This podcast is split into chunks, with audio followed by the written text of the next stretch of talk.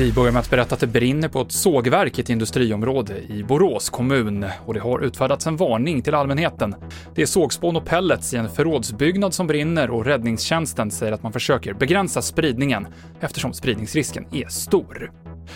Efter turerna om högskoleprovet så avgår nu generaldirektören för Universitets och högskolerådet, alltså myndigheten som ansvarar för provet. Karin Röding säger att politik har fått gå före hälsan när regeringen sent om sidor ville att myndigheten skulle undersöka om det går att anordna ett prov i höst.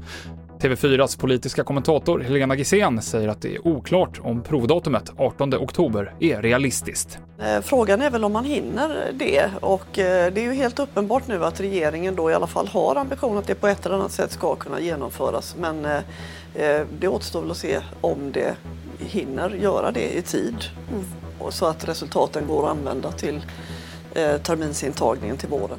Mer om högskoleprovet på TV4 Play. Och det blir 3,4 miljarder till kulturen i år och nästa år i budgeten, det sa regeringen på en presskonferens idag. Pengarna går bland annat till kulturproducenter och till museer. TV4-nyheterna med Mikael Klintevall.